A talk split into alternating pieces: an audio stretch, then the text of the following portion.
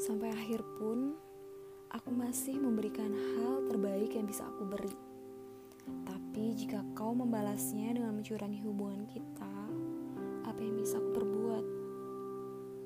Awalnya terasa sakit, menyalahkan diri sendiri, merasa tidak pantas, takut posisiku digantikan dengan wanita itu.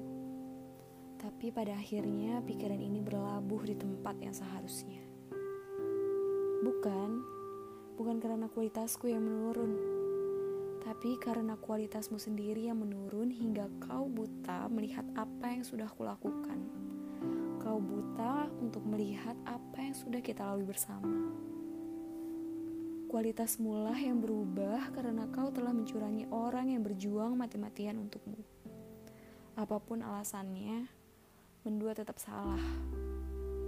Aku yakin kita hanya akan dibersamai dengan orang yang tepat Mungkin perjuanganku kemarin sedang tidak pada tempat yang tepat.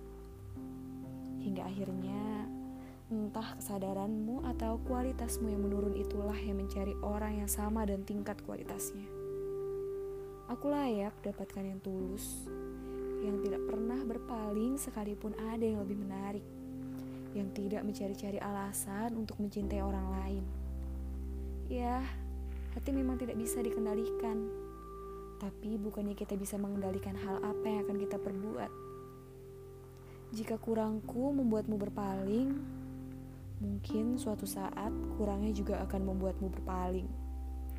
Sementara aku di sini sudah jauh lebih bahagia, sedangkan kau masih terjebak dengan permainan yang kau ciptakan sendiri.